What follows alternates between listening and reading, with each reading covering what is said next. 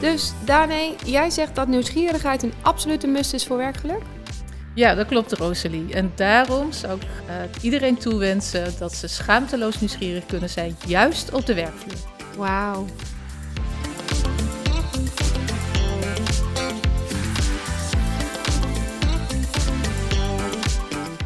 In deze serie maken we werkgeluk concreet en geven we tips om in je eigen organisatie, team en je eigen leven aan de slag te gaan met werkgeluk.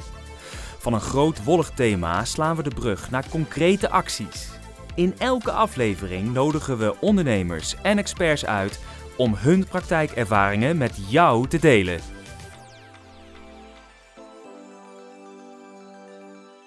Welkom bij weer een nieuwe aflevering van de podcast Werkgeluk de Baas.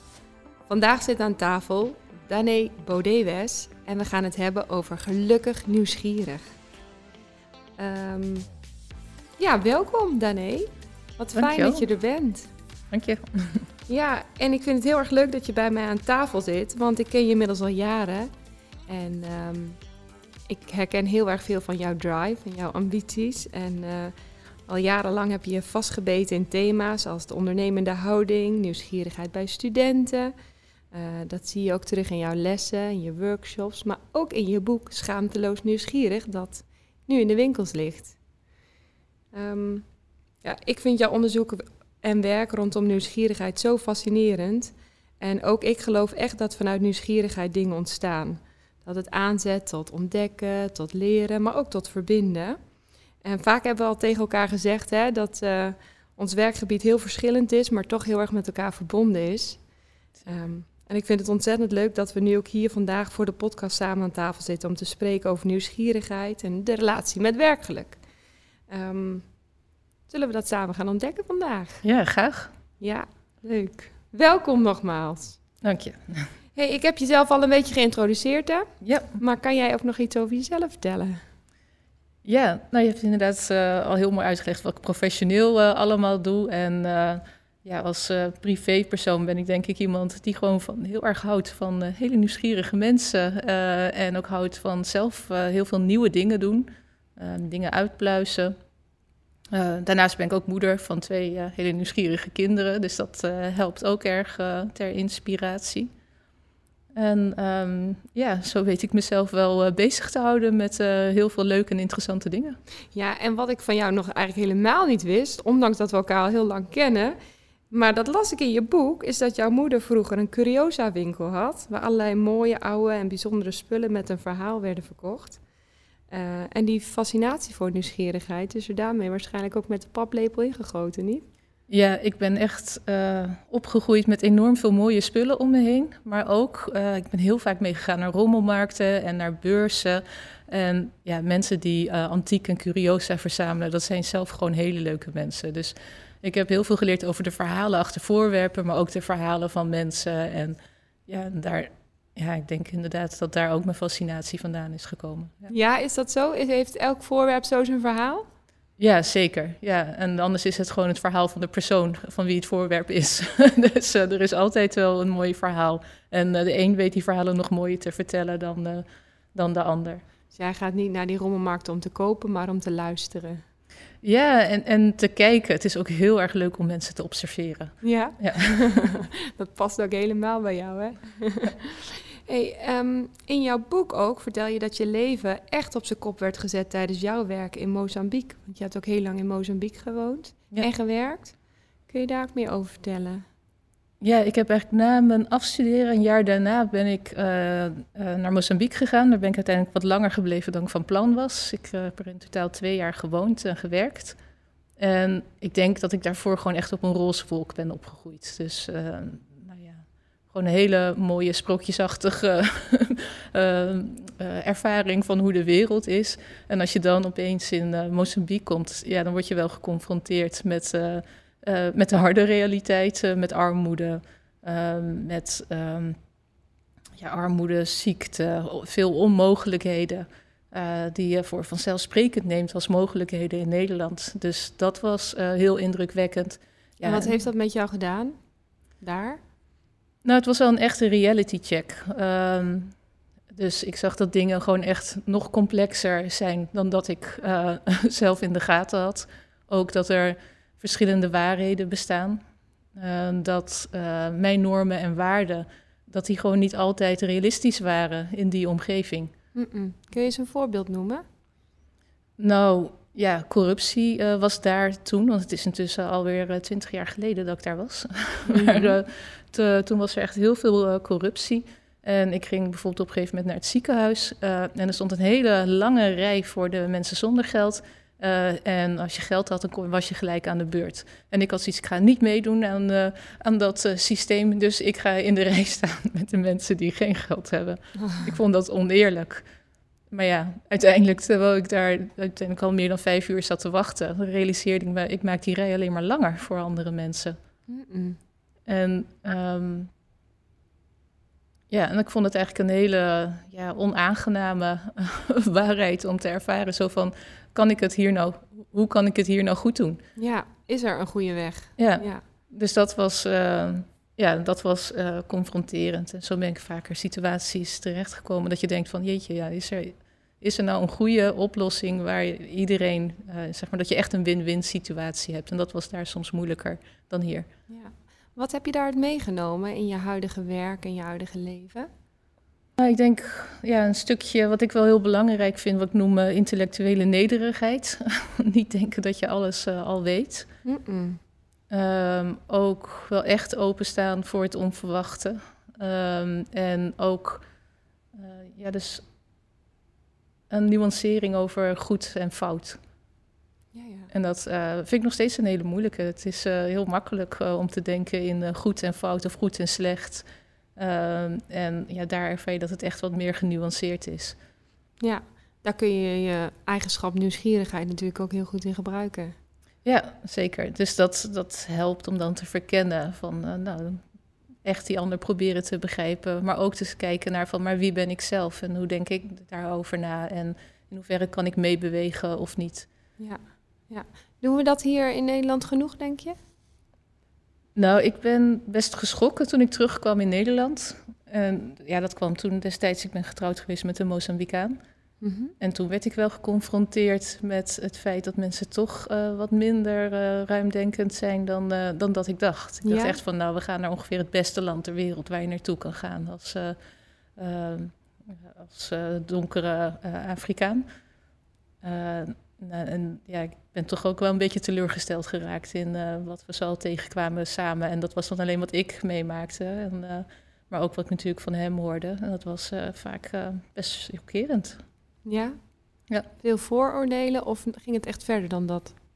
Ja, vooroordelen. Um, ja, mensen hebben het idee dat als je maar eerlijk zegt wat je denkt, dat het dan allemaal goed is. Ja, ja. en dan niet begrijpen dat je daar toch ook mensen mee kan kwetsen.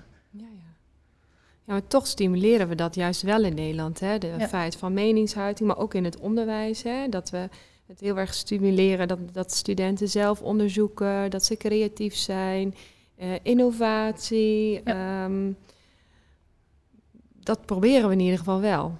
Is dat dan ook de realiteit?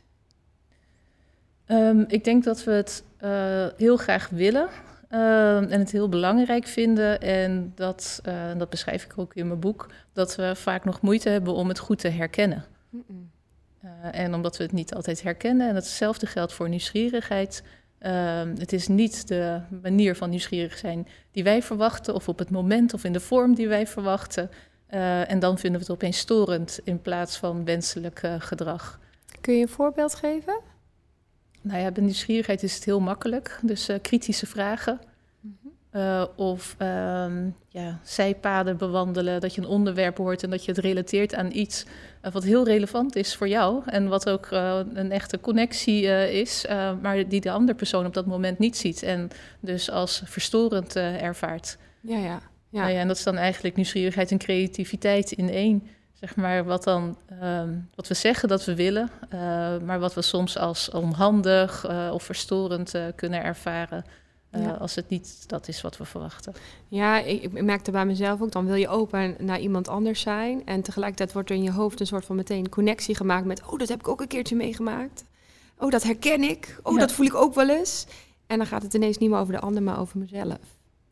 Ja, je dat- dat? Nou, ik bedoel niet per se dat. Ik denk ook dat we zeg maar beide kanten eh, mee moeten kunnen denken met de ander. En de ander kan een inzicht hebben wat jij niet hebt. eh, en ehm, wat dus afwijkt van jouw gedachtegang. eh, maar wat wel tot een nieuw inzicht kan leiden. Waardoor op je opeens het hele vraagstuk of het idee wat je hebt in een ander daglicht gaat zien. Ja, ja, en waardoor je beter kan worden. Dus het gaat. In mijn voorbeeld bedoel ik het iets minder van ehm, het gesprek overnemen. Maar meer daadwerkelijk iets bijdragen. Wat op dat moment niet gezien wordt als waardevol. ja, ja. En eh, dan gaat het meer over dat je eigen waarheid ineens ondersteboven komt te staan. Ja, Ja, op zijn kop. Ja, dus we luisteren toch heel vaak om gelijk te krijgen of bevestiging te krijgen van wat we al dachten en wilden. Eh, en als je dan opeens iets heel nieuws hoort, waar je ook echt, nou, waar je helemaal niet aan had gedacht in relatie tot jouw onderwerp, ja, dan kan dat soms eh, nou, ook voor heel veel onzekerheid eh, en verwarring eh, zorgen. En ehm, ja, de een denkt van, oh leuk, interessant, en hier wil ik meer over horen. En de ander denkt van, huh, huh? oh, nou, nee, ja, dan ben je opeens uit balans. En dat vinden mensen dan onprettig. Ja, en dan zeggen ze, ja, nee, nee, ik bedoelde dit. We moeten wel even doorgaan op waar, waar we waren. Ja en, en ik moet zeggen, als ik dan even ook in het bedrijfsleven kijk, hè, dan zie ik dat dat ook heel veel gebeurt. Dan praten we wel over nieuwsgierigheid en innovatie, ontdekken van talenten. Maar ook aandacht van werkgeluk ja, levert heel veel weerstand op. Want dan krijg ik opmerkingen als, ja, maar er moet wel gewerkt worden. Of het is hier geen speeltuin. Ja, En ehm, ja, als je als leidinggevende mensen de ruimte geeft om nieuwe te dingen te ontdekken, dan loop je ook het risico dat het werk blijft liggen. Ja. Nou, ik heb er wel nog verder over na zitten denken. Want ik denk dus eh, ten eerste dat eh, ook het echte werk heel goed gedaan kan worden vanuit nieuwsgierigheid. Maar het vraagt wel omdat je dus echt met elkaar in gesprek gaat over wat zijn mijn of onze organ, de, ja, de waarden, de, de doelen eh, eh, van de organisatie. En wat zijn jouw interesses, waarden en doelen? En hoe, eh, ja, hoe connecten die? Ja, ja. En die vertaalslag, ik denk dat het daar soms ook verkeerd gaat. En eigenlijk had ik het daar net ook over. Dat ehm, ik denk dat we ons nog verder moeten oefenen in het echt kunnen luisteren naar de ander. En te kunnen zien van hoe draagt dat nou bij aan, eh, aan wat wij van plan waren. En dan kan het soms in een iets andere vorm zijn. En daarnaast is er natuurlijk ook gewoon echt bepaald werk, vaak uitvoerend werk, zeg maar, wat echt moet gebeuren. En dan is het heel erg fijn als mensen wel ook de ruimte daarnaast hebben om ook hun nieuwsgierigheid te kunnen volgen of om dat werk op hun manier te kunnen doen, waardoor het ook interessanter voor ze wordt. Want dan krijgen ze er veel meer energie en plezier van en kunnen ze dus ook het werk wat ze minder interessant vindt, vinden, kunnen ze makkelijker volhouden om dat te doen. Omdat ze weten dat er daarnaast ook nog een beloning komt in de vorm van, nou ja, leuke werk of het op een eh, leuke, verrassende manier kunnen doen. Hoor ik jou dan zeggen, zorg als je een, een, een functie afstemt met je medewerker, dat daar in ieder geval de dingen gedaan worden die gedaan moeten worden. Maar dat, dat daarnaast ook echt tijd is voor nieuwsgierigheid, voor talenten, voor dingen waar de medewerker heel erg blij van wordt. Ja, nou ja, en ook dus eh, de vorm waarin je het werk doet. Dus bijvoorbeeld nu heb jij deze podcast, wat geweldig is. En dat zou niet in jouw eh, functieomschrijving hebben gestaan. Nee, zeker niet. Nee, nee. Nee, en je merkt dat het dus eh, wel een heel positief effect heeft. Binnen de organisatie, buiten de organisatie. Nou, dat hebben andere mensen niet bedacht. Maar zo doe jij je werk op een andere vorm dan dat door anderen bedacht werd, was. En doe je het misschien nog wel beter dan dat ze zelf hadden kunnen bedenken. Ja, en tegelijkertijd merk ik ook zelf hè, bij het opnemen van deze podcast dat dat soms ook weerstand oproept. Ja. Want ik werk toch in het onderwijs. En ja, als je docent bent, hoor je les te geven en geen podcast eh, op te nemen. Eh, want als je niet voor de klas staat, dan werk je niet. Of dan doe je geen nuttig werk. En dat zijn allemaal vooroordelen die misschien niet letterlijk worden uitgesproken, Mhm. maar die ik af en toe wel voel, ook van collega's. Ja, en dan is het dus zo belangrijk om binnen de organisatie in gesprek te blijven over van wie zijn wij nou echt en eh, waarvoor bestaan wij. En intussen zijn wij niet meer alleen een onderwijsinstelling, wij zijn ook een kennisinstelling. Ja, En, eh, en dat willen we ook uitstralen. ja. We willen ook eh, naar buiten uitstralen dat wij echt die kennisinstelling zijn. En jij bent een heel mooi visitekaartje daarvan. Wat Dankjewel. Ja. Wat een mooi compliment zo eventjes. Ja, nou, daar geloof ik dus heel erg in. En, maar ik denk dat mensen dus op een of andere manier toch nog niet genoeg meegenomen worden uh, of zich genoeg meegenomen voelen in van wie zijn wij en waar staan wij samen voor. Uh, en dat ze daar dus ook dan nieuwsgierig naar zijn en zien van ja, het, de, rollen zijn nu anders verdeeld. We zijn niet alleen maar uh, een onderwijsinstelling. Ja, dus draag het ook uit als organisatie dat die ruimte er juist ook is. Precies, en dan is het ook weer belangrijk dat leidinggevenden dus ook aangeven als ze dat soort geluiden horen van nee, maar dit is wel precies wat wij nu nodig hebben en uh, wat wij willen voor onze organisatie. Ja, dus die successen ook vieren, delen. Ja. En uh, samen ook uh, vieren. Precies, dus het is ook mooi dat jij nou de ruimte krijgt om dit te doen. Dat is in ieder geval ook al een, echt een teken van waardering en van stimulering van jouw nieuwsgierigheid. Voor mij wel hoor, want uh, dit, dit, dit is wel echt de kerst op de taart, zeg maar, voor mijn werk. Ja, ja de ruimte die ik krijg om, om, om die dingen te doen waarvan ik denk die zijn waardevol. En uh, dat maakt ook oprecht dat ik mijn andere werkzaamheden met veel meer plezier doe. Dus ik ben wat dat betreft misschien wel een heel goed voorbeeld. Ja. Want juist die ruimte en die vrijheid die ik krijg om die dingen te doen waarvan ik denk, die vind ik waardevol, maar die vind ik ook heel leuk zelf. Die maken ook dat ik mijn andere werk nog beter ga doen. Ja, nou ja, en dat zo draagt nieuwsgierigheid dus ook bij aan het welzijn. En het welzijn draagt, nou ja, dat weet jij nog uh, beter dan ik, dat uh, ja. draagt ook uh, bij aan het werkgeluk. Ja. ja, ja, want als we dan toch dat uh, bruggetje maken. Kijk, voor mij is het verband tussen nieuwsgierigheid en werkgeluk echt super logisch. Mm Hè? Um, ik kan me voorstellen dat voor de luisteraar dat nog niet direct is, hè, die link tussen nieuwsgierigheid en werkgeluk. Kun jij vanuit jouw perspectief toelichten hoe die dingen elkaar versterken? Nou, als ik het op het meest basisniveau bekijk, dan is het uh, al zo dat nieuwsgierigheid letterlijk zorgt voor energie en plezier. Oké. Okay. Dus op het moment dat je nieuwsgierig wordt, dan maken je uh, hersenen ook uh, neurotransmitters aan, noradrenaline en dopamine.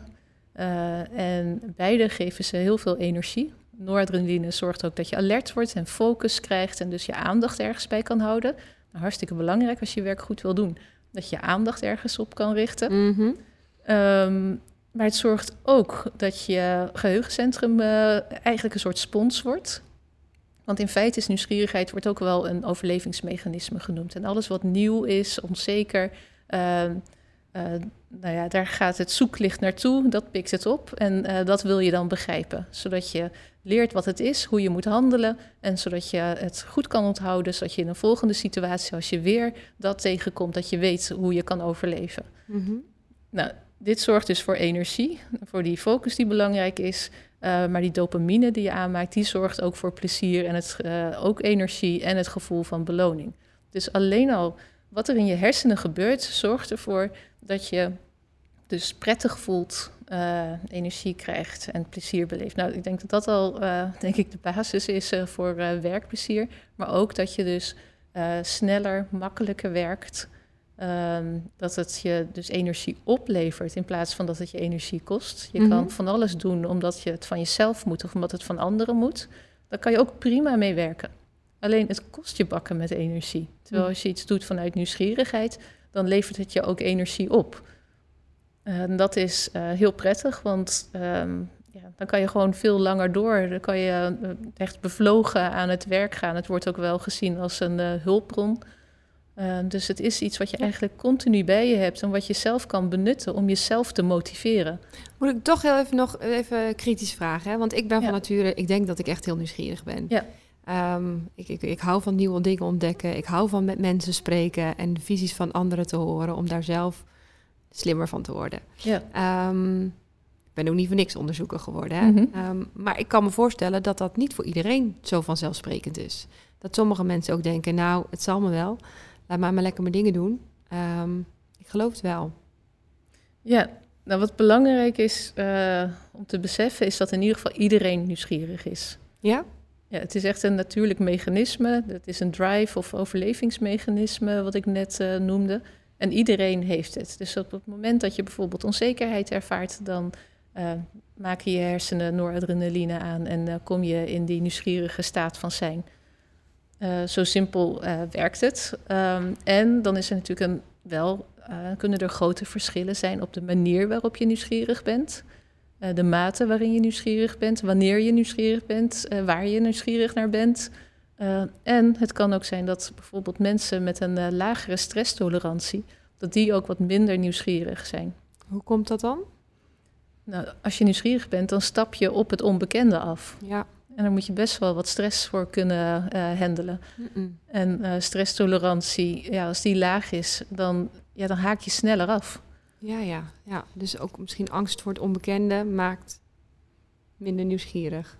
Ja, en dus dan ben je van nature al iets minder nieuwsgierig. Um, maar het is ook nog zo dat als je nieuwsgierigheid dan gedempt wordt door je omgeving, dat je daar dus ook nog meer stress door kan ervaren. En dus ook de ervaring hebt van, nou, dit niet weer. Ja. Ik ga me niet weer uh, uh, laten afblaffen door iemand uh, omdat ik te nieuwsgierige vragen stel. Of, of juist andersom. Ik moet even denken aan een voorbeeld van mijn moeder.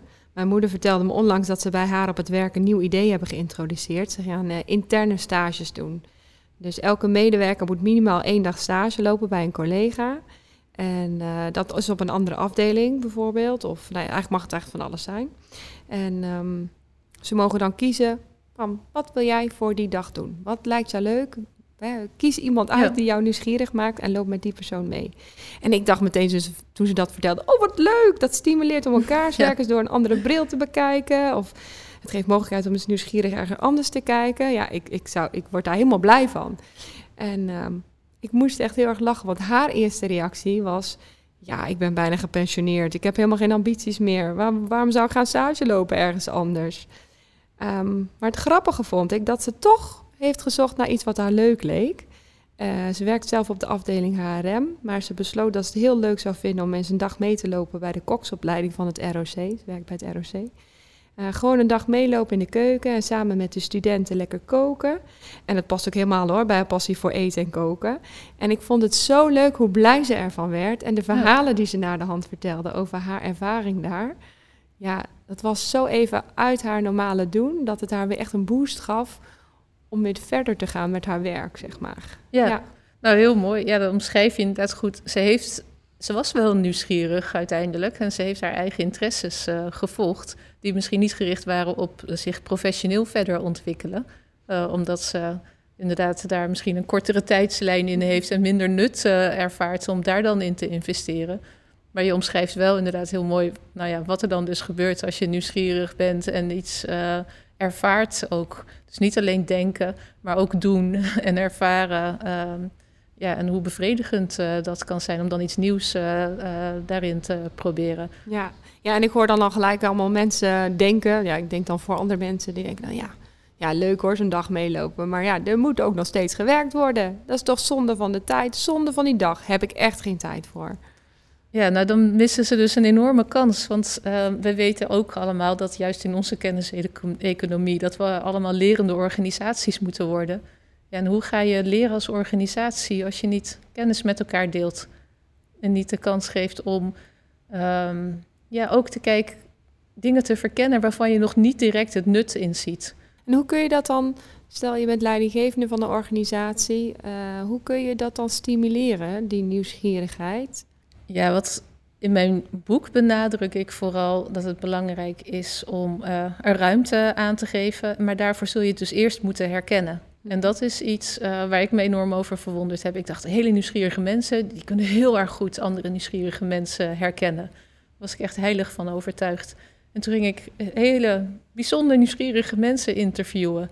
En dan hoorde ik toch wel opvallend veel mensen klagen. Ja, die andere mensen zijn toch echt niet zo uh, bijzonder nieuwsgierig. en dat was voor mij eerst in eerste instantie een enorme teleurstelling. Ik dacht, oh, nou die aanname die klopte niet. um, maar ze waren wel heel goed om mensen te herkennen met dezelfde soort nieuwsgierigheid. Of de nieuwsgierigheid naar hetzelfde vakgebied bijvoorbeeld. Uh, of uh, nou ja, bijvoorbeeld ook onderzoekers. Weet je, dezelfde manier van een beetje nieuwsgierig zijn.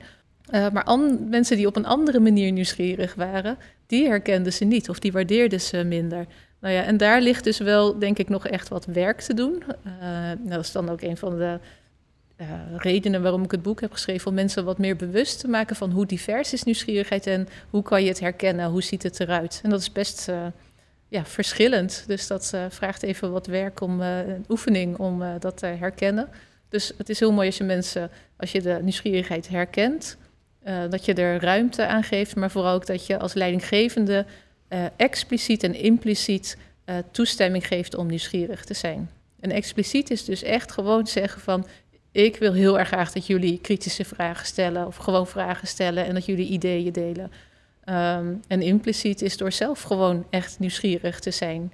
Het goede voorbeeld geven. Ja, het goede voorbeeld geven. Eigenlijk gewoon door jezelf te zijn en dat te durven laten zien. En ook um, als jij twijfelt of een fout maakt, uh, ja, je hoort het steeds vaker. Maar dit triggert dus ook de nieuwsgierigheid. Op het moment dat jij twijfelt, um, dan ben je, word je nieuwsgierig. Op het moment dat je denkt alles goed te weten, dan ben je niet nieuwsgierig. Oké, dus wanneer je zelf twijfel of onzekerheid bespeurt, dan is dat eigenlijk een heel goed teken.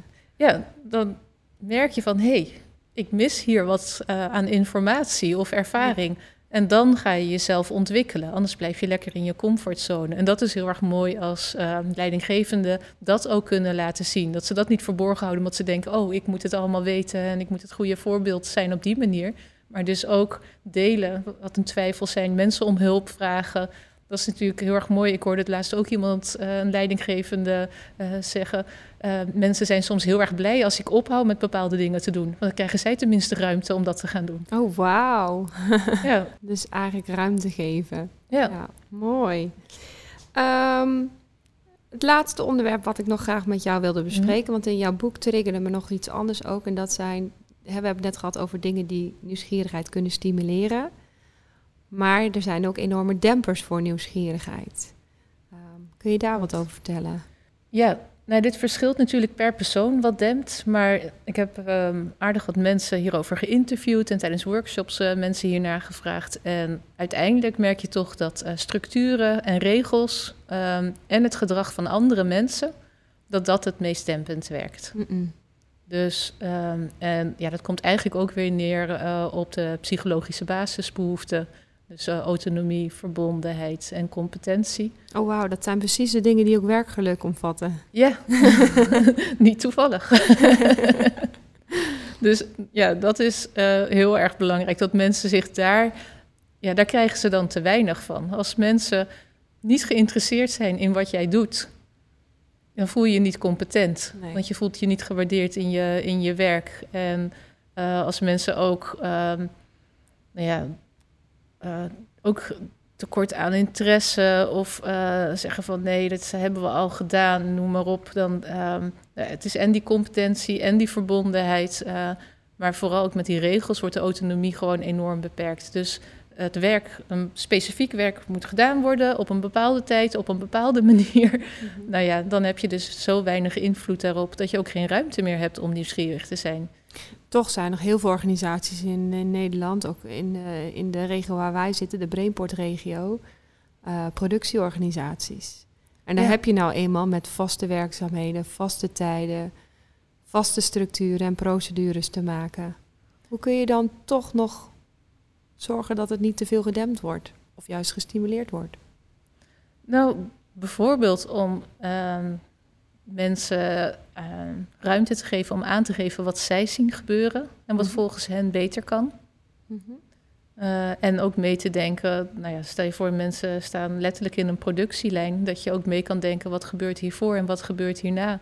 En wat kan er beter? Of wat kan er beter zodat ik mijn werk zo goed mogelijk kan doen of er ook nog plezier aan uh, kan beleven? Ja, dus samen met mensen kijken naar het hele proces en ruimte geven daar waar het kan.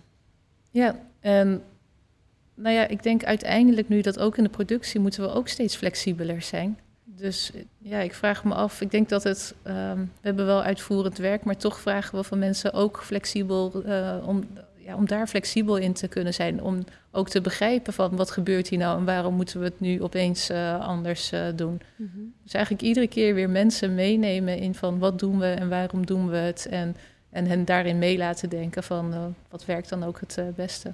En ze daar dus ook echt in horen. Mooi. Een mooie afsluitende tip, denk ik, voor vandaag. Dane, ik wil jou heel erg bedanken voor ons mooie gesprek vandaag en jouw toelichting op nou, het, het, het, het, mooie aan nieuwsgierigheid en hoe dat ook het werkgeluk stimuleert. Naast dat ik iedereen kan adviseren om jouw boek ook te gaan lezen, heb jij ook nog een andere boekentip voor ons? Welk boek uh, kan jij, ja, is voor jou inspiratie geweest? Voor mij is het boek Think Again van Adam Grant. In het Nederlands heet het boek Weten wat je niet weet. Dat vind ik een echte tip. Want, nou ja, weten wat je niet weet zegt er al eigenlijk van... om nieuwsgierig te worden moet je bewust worden dat je iets niet weet. En dat gun ik iedereen. Want als we maar in onze comfortzone blijven zitten en denken dat we alles al weten, dan worden we nooit nieuwsgierig en dan zullen we ook niet leren en ontwikkelen. Hartstikke mooi. Mooi afsluiter van vandaag. Dankjewel nogmaals. Ontzettend fijn dat je, dat je er was vandaag. Alle luisteraars, hartelijk bedankt voor het luisteren naar deze podcastaflevering. Wil je nou nog meer van ons horen? Like en deel dan ook zeker deze podcast met andere mensen. En abonneer je ook als je uh, op de hoogte wil blijven van de nieuwste afleveringen, want er staan er nog meer voor je klaar. Um, wil je een keertje bij mij aan tafel komen? Lijkt het ook leuk om met mij in gesprek te gaan over werkgeluk. En dan mag je altijd mailen naar werkgelukdebaas.fontis.nl. Tot de volgende keer.